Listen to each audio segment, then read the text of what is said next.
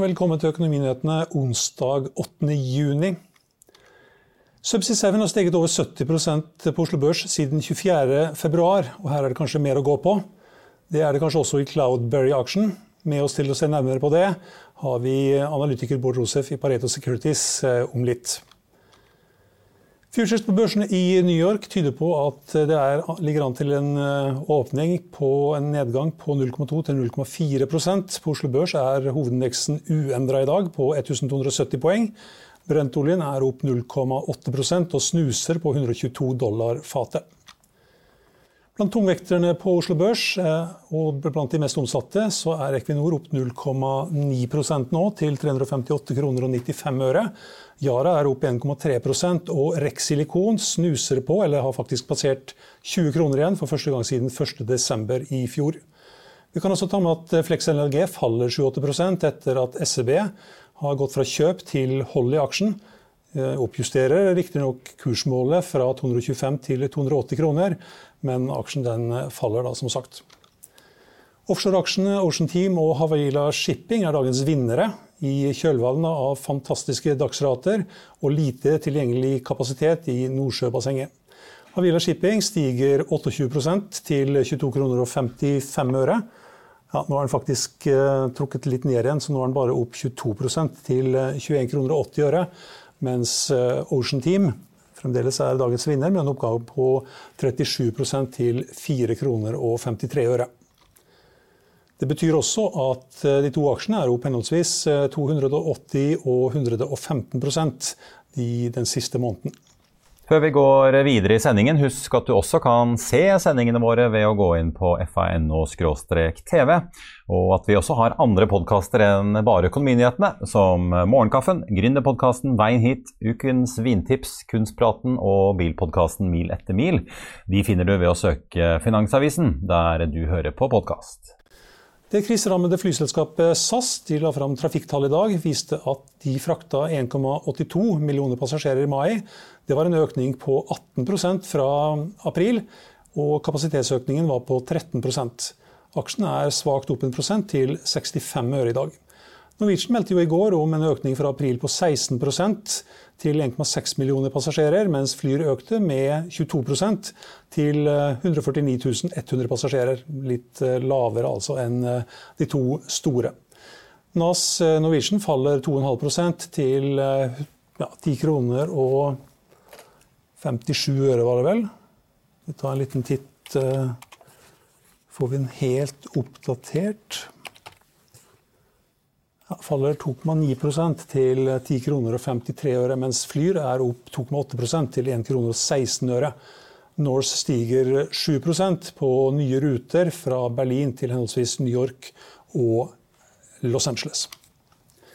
I mai lovte for øvrig Flyr at eh, det var den siste emisjonen på 250 millioner. Eh, da hadde det gått fire måneder siden forrige. Nå har styret fått en fullmakt på utstedelse av 20 Eh, ytterligere 20 eh, økning. Det kan du lese mer om på finansavisen.no nå. Her kan du også lese, om, lese Trygve Engers leder om SAS som er på vei inn for landing.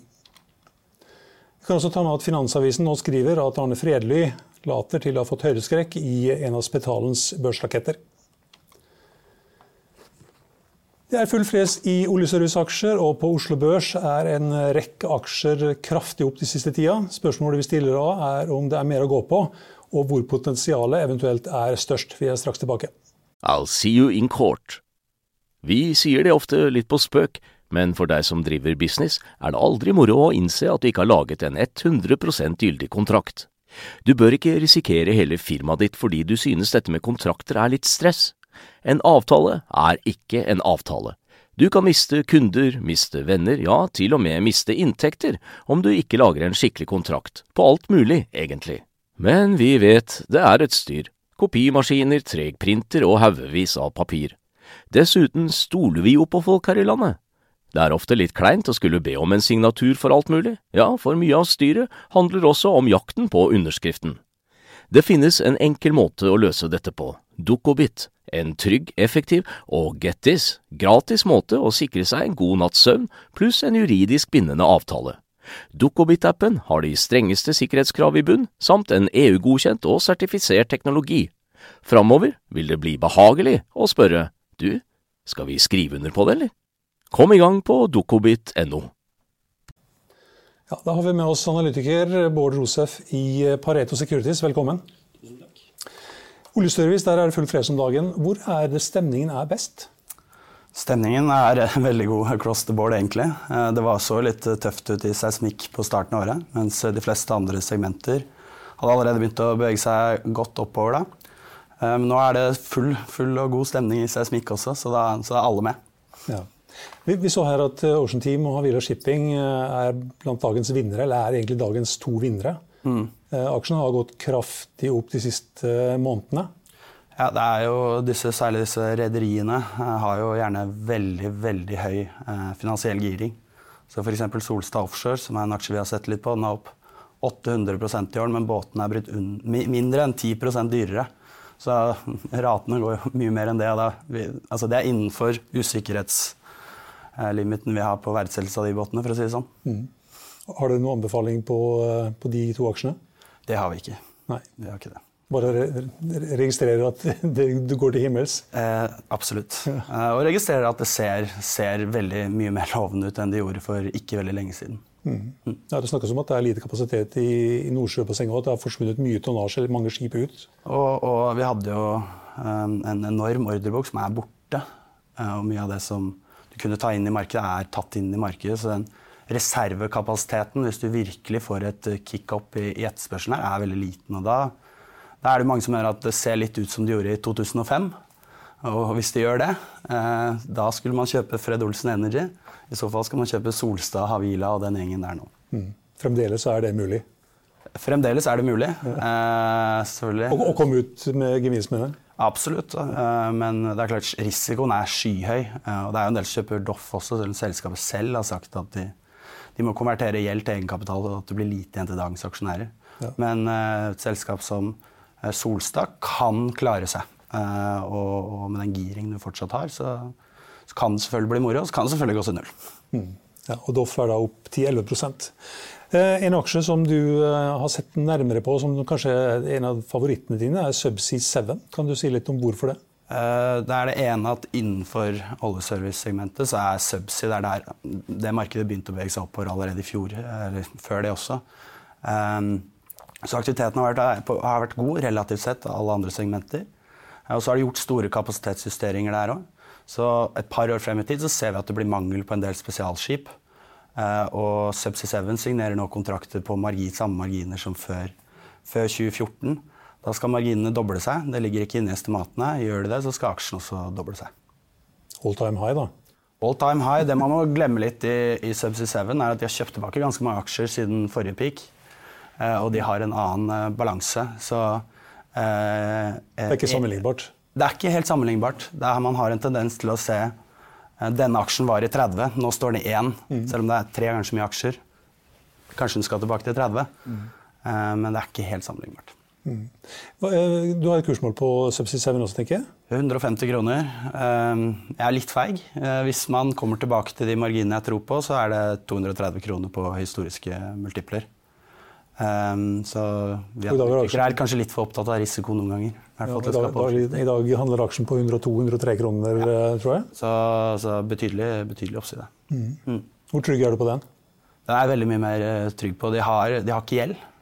20% av businessen er relatert til havvind. Uh, og, og, og, de signerer i dag kontrakter på disse marginene. De har veldig god visibilitet ganske langt fram i forhold til veldig, veldig mange andre. Så så estimatene her kommer. Retningen er lett å si, den er oppover. Da skal man kjøpe aksjen. Mm -hmm. Hva sier kundene dine når du sier 'kjøp Subsea 7'? Uh, de er ofte, ofte enige, og aksjen har gått 70% i år. og det er jo snakker om at Subsea 7 er faktisk blitt 70 dyrere i år, mens SOF er bare blitt 10 dyrere. Så, mm så, så, det er klart mange, mange har kjøpt der. Og, og det er vel fortsatt, eh, fortsatt, mange som burde kjøpe, mener jeg, da. Mm. 150 eller 230? Ja, vi er på vei, viktigste er at vi er på vei i riktig retning, tenker jeg. Ja. Eh, og så, så, kommer det til å skje, skje, mye på veien. Det gjør det alltid i oljeservice. Mm. Eh, Oljeservice Prosafe, er det en aksje som du følger med på? Eh, det er også en aksje jeg følger med på. Jeg har vært litt i dvale dekningen der en, en stund. Eh, men av, av de kalle asset-segmentene, så er eh, accommodation-markedet, hvor de opererer, det markedet hvor man har høyest utnyttelsesgrad i dag. Det er kjempedårlig visibilitet. Eh, men det er en del ting som kan tyde på at det kan bli veldig stramt allerede neste år eh, i, i, det markedet. Prosef er priset på omtrent 50 av eh, historisk byggekost. Det er ikke det aller laveste.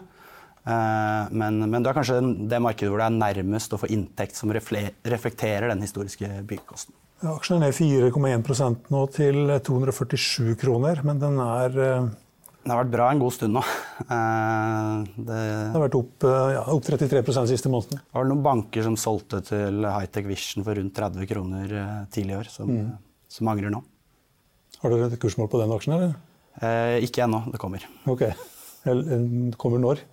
Nei, Det kan jeg ikke si. da. Det er alltid noen som spør om det, men, eh, men det har vi ikke lov å si. Nei. Eh, er det noen eh, aksjer innen olje og oljeservice som du ikke liker? Av et selskap som er sammenlignbart med Subsea 7, så syns vi Aker Solutions er ganske dyr. Den er priset godt over historiske multipler, og du har allerede, i motsetning til Subsea 7, så ser vi ikke det samme potensialet for marginøkning i Aker Solutions. Kjempegodt selskap. Det har gjort det vanvittig bra de siste årene. Men vi syns den er, begynner å bli litt, litt dyr. Mm. Så hele 7? Absolutt. Er, er, det andre aksjer som du følger som du, som du liker? Eh, vi liker eh, Rig-aksjer. Eh, og så er det jo en del av de mest interessante selskapene av Maersk Drilling, som er listet i Danmark. Den er listet i USA. Priser på 220 millioner for et boreskip som koster kostet 650 å bygge en gang i tiden. Ratene er på full fart oppover eh, på de, eh, de ratene man ser eh, signert i markedet i dag. Så, så, så er det på 3,5 ganger EBTA. Og de ratene har gått mye på veldig kort tid, og jeg tror de kommer til å fortsette oppover. Mm. Så Mersk har også en anbefaling? Mersk Drilling? Mersk Drilling, Noble, Valaris borti USA. I Norge har du Seadrill, som er priset på omtrent samme nivået. Der har du en litt eh, Aksjen er eid av banker, så det er litt sånn høna og egget. Man trenger litt volum for å få kursen opp, samtidig som bankene kanskje husker hva som skjedde i Prosafe, ikke vil selge for billig. Mm så, mens eh, investorer kanskje ikke vil kjøpe for du ser det overhenget av aksjer som er der. Eh, så, og Hva sier du da til de som er litt sånn tilbakeholdne på Sidril f.eks.? Jeg tror at på Sidril så, så, er det først og fremst de potensielle selgerne som er tilbakeholdne. Mm. Så jeg syns at bankene burde samle seg, selge litt hver, og få den aksjen i gang. Mm. Samarbeide. Lettere sagt enn gjort. Ja. Eh, følger du oljeaksjen òg? Det er en kollega av meg som gjør. Så, men det er klart, inntjeningen i oljeaksjene er fantastisk på dagens nivåer. Og det er et spørsmål vi ofte blir møtt med som oljeserviceanalytikere. Kan jeg ikke heller kjøpe oljeaksjer? Og, og, og, og, det har man ikke alltid så fryktelig godt svar på. Jeg tror momentet er veldig på vei oppover for oljeservice, og da vil det gå litt motsatt for, for oljeaksjene. Men, men, vi er jo positive til spesielt uh, Vår Energi, som har veldig mye, mye gasseksponering. Mm. Uh, som, uh, som, du tjener fryktelig mye på nå. Da. Så er spørsmålet disse gassprisene skal ikke vare for alltid, men den stubben du sitter igjen med hvis du tjener disse en god stund, den blir ikke veldig stor. Da blir, blir verdsettelsen veldig, veldig attraktiv, tror vi. Mm. Seismikkaksjer, hva med dem? Nei, De har også gått mye. da. Det så jo bekmørkt ut på, på starten av året, eh, men, eh, men, ser veldig veldig mye bedre ut nå. Eh, PGS eh, hadde vi kursmål én krone og salg på. Eh, den er eh, Vi må gjøre noe med det. der tok vi feil og, og, og, fikk hentet penger. har da kjøpt seg tid til neste år når balansen forfaller. Er ikke ute av skogen ennå, men klart det, det, ser mye bedre ut. Um, Uh, eh, TGS har jo gått fantastisk.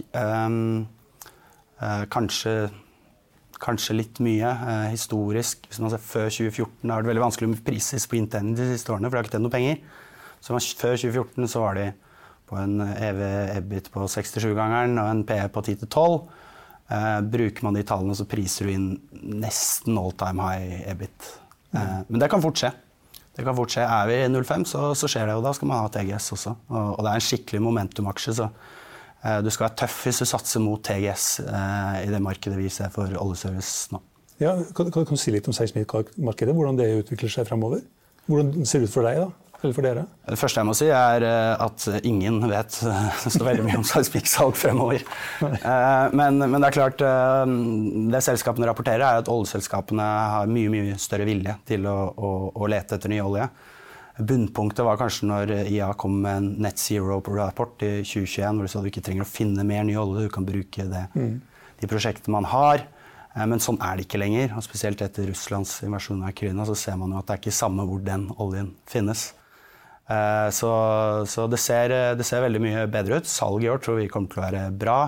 Estimatene er på vei opp. Våre estimater eh, lagger og, og er på vei opp. Eh, og det ser bedre ut inn i neste år. Båtsiden har man gjort de aller største kapasitetsjusteringene på i seismikkmarkedet. Så det er ikke så mye som skal til å stramme, stramme inn det markedet, som er bra for, for PGS, ikke så bra for, for TGS. Mm. Hvor hen i verden er det størst aktivitet innen seismikk? Uh, litt all over the place, men det har jo vært veldig mye uh, i nære eksisterende infrastruktur. Det vi ser nå, er litt mer at du leter også i nye områder hvor det har vært ganske dødt en god stund. Um, så, så, PGS har jo typisk vært mer større andel av biblioteket sitt nære eksisterende infrastruktur, mens TGS nå ser, får benefitten av å ha, ha en del i, i andre, andre områder. Mm. Magsaus også er inn dette her området her. Er det en aksje som dere følger med på? Eh, det er en aksje jeg ikke kan, dessverre. Eh, så det er litt der, der står på kunnskapen min. Mm. ja. Eh, vi må innom Cloudberry òg, som det vel kom en ny analyse på i går eller i dag. Ja. Um, der har vi dratt opp kraftprisanslagene våre voldsomt. Vi dro de opp sist i starten av april. De har jo siden selskapet ble laget, så har de bestemt seg hatt et strategisk eh, posisjonering i Sør-Skandinavia. Eh, og de strømprisene har jo bare gått og gått og gått. Forward-prisene har gått og gått og gått. Eh, ja, vi kan si at Dette har ikke noe med oljeservice eller offshore Nei. å gjøre, det har med vann og vind? Vann og vind å gjøre. De har, eh, har vann, vannkraft og vindkraft i, i Skandinavia. Så vi må justere opp de igjen, og da blir disse vindparkene mer verdt. Okay. Så da tar vi opp kursmålet fra 23 til, til 25 kroner. Så jeg ser en 50 eh, oppside, oppside den aksjen også. Mm. Men det, Nå har jeg bare titta veldig kjapt på tallene, men det, burde ikke selskapet tjene penger på dagens kraftpriser? Jo, Q1-produksjonen Q1 var skuffende, og det er jo litt sånn guesswork. Det har fryst mye elver, det har vært litt lite nedbør.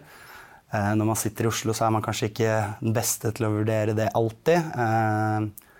Eh, men, men, det gjør at eh, produksjonen i det kvartalet her er vesentlig under forventning. Men det er ikke noe teknisk feil, så, eh, så vi gjør ingenting med estimatene. Og så har du en, nå en periode hvor du har en veldig ramp-up-fase. Du har veldig veldig små tall, som gjør at de relative utslagene blir store. Ja, så Nå hadde 30 millioner i inntekter i første kvartal?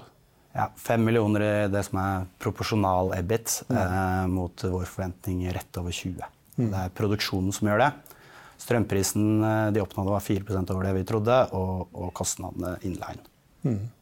Kjøp og med kursmål 25?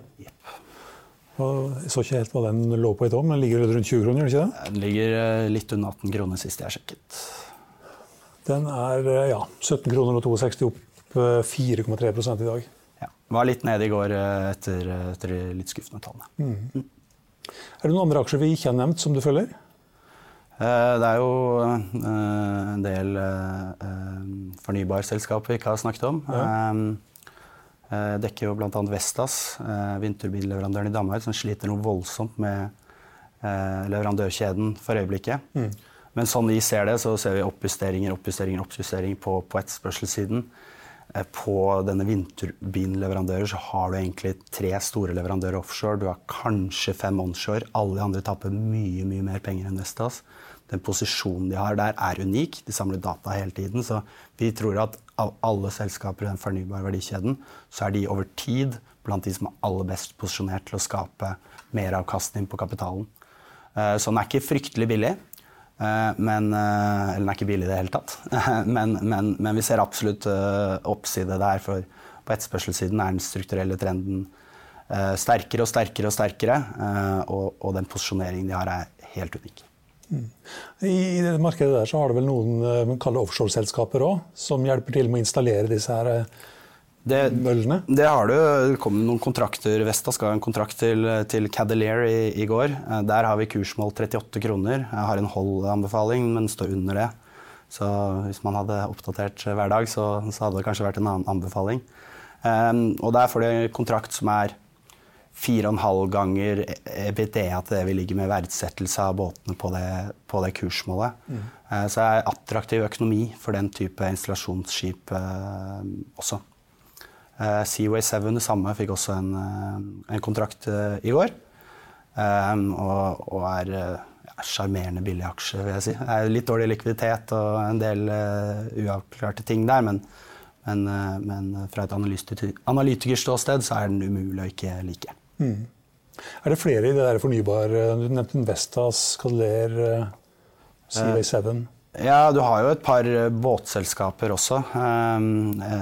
IVS og, Edda Vind, som har kalt det supply-båter for, for, mm. vindparker, sagt litt, litt enkelt. Eh, der må du bygge mot litt dårligere økonomi på kontraktene, men du har litt bedre visibilitet. Og alle disse selskapene, som shipping generelt, tjener jo på at du har inflasjon i, i verftsprisene på, på, å bygge eh, sånne skip. Så det skal vanskeliggjøres å, å bygge opp den flåten til den prisen de har gjort. Uh, og de priser heller ikke inn noe premie. så, så interessante, interessante aksjer av de her. så liker vi kanskje de installasjonsselskapene Kedlier og CV7 bedre. Mm. Og de er godt posisjonert for eh, at det skal installeres mange havvindmøller de kommende par årene, tre årene, fire, fem, fem årene? Fryktelig, fryktelig mange havvindmøller, og, og, dette kommer til å være et syklisk marked, akkurat som oljeservice. Det er veldig mange likheter, men det er én viktig fordel, er forskjell, og det er at etterspørselsveksten er strukturell og høy. Så om du bygger i hele markedet, så tar det ikke åtte år før markedet er i balanse igjen. Mm. Hvor lett er det å komme inn i det markedet her for eventuelle nye aktører? Ehm, for det installasjonsmarkedet så er det som riggmarkedet. Altså det er relativt vanskelig. Ehm, ehm, men altså alt, alt er relativt, men, men, du skal signere store kontrakter med store selskaper som er avhengig av at du gjør den jobben til eh, tid og kostnad.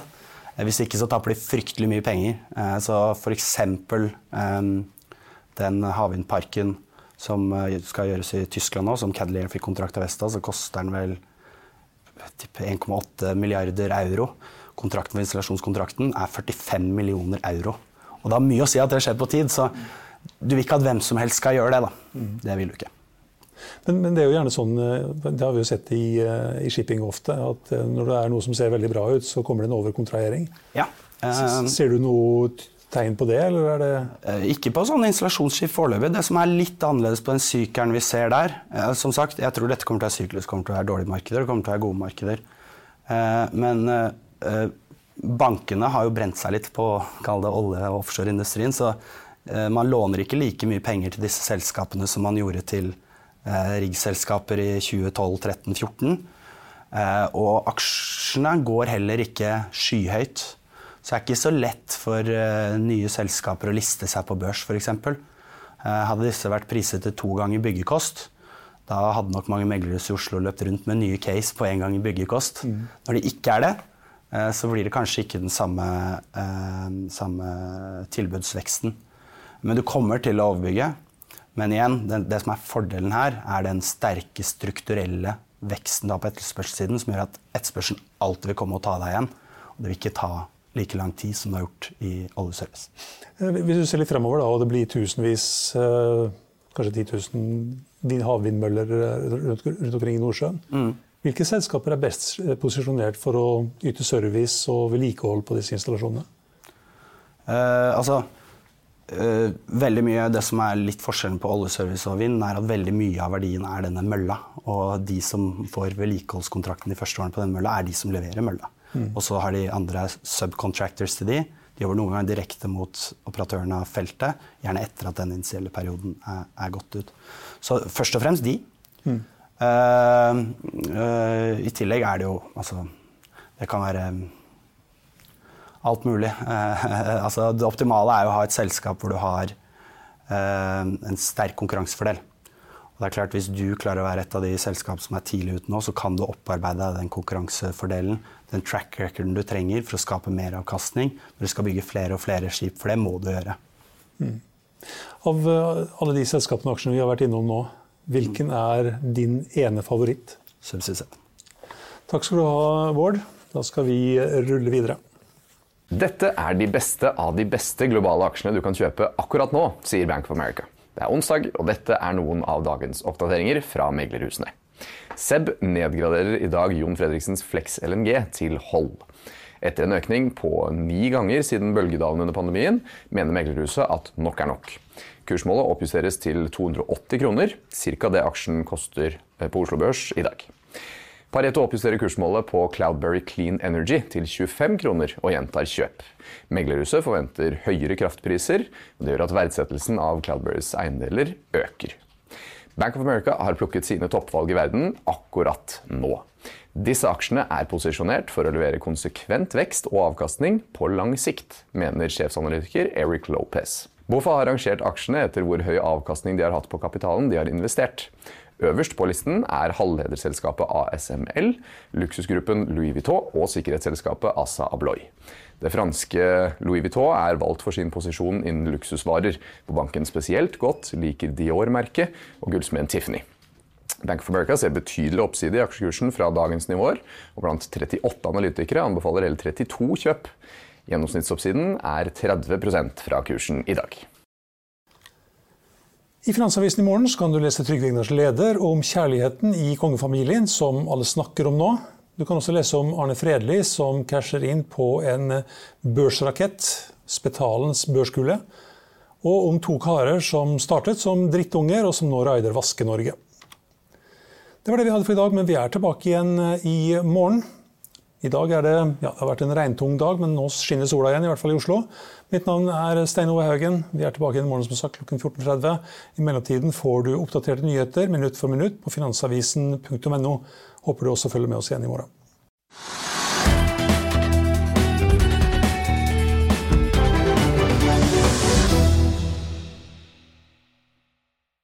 Økonominyhetene er en podkast fra Finansavisen. Programledere er Marius Lorentzen, Stein Ove Haugen og Benedikte Storm Bamvik. Produsenter er Lars Brenden Skram og Bashar Johar. Og ansvarlig redaktør er Trygve Hegnar.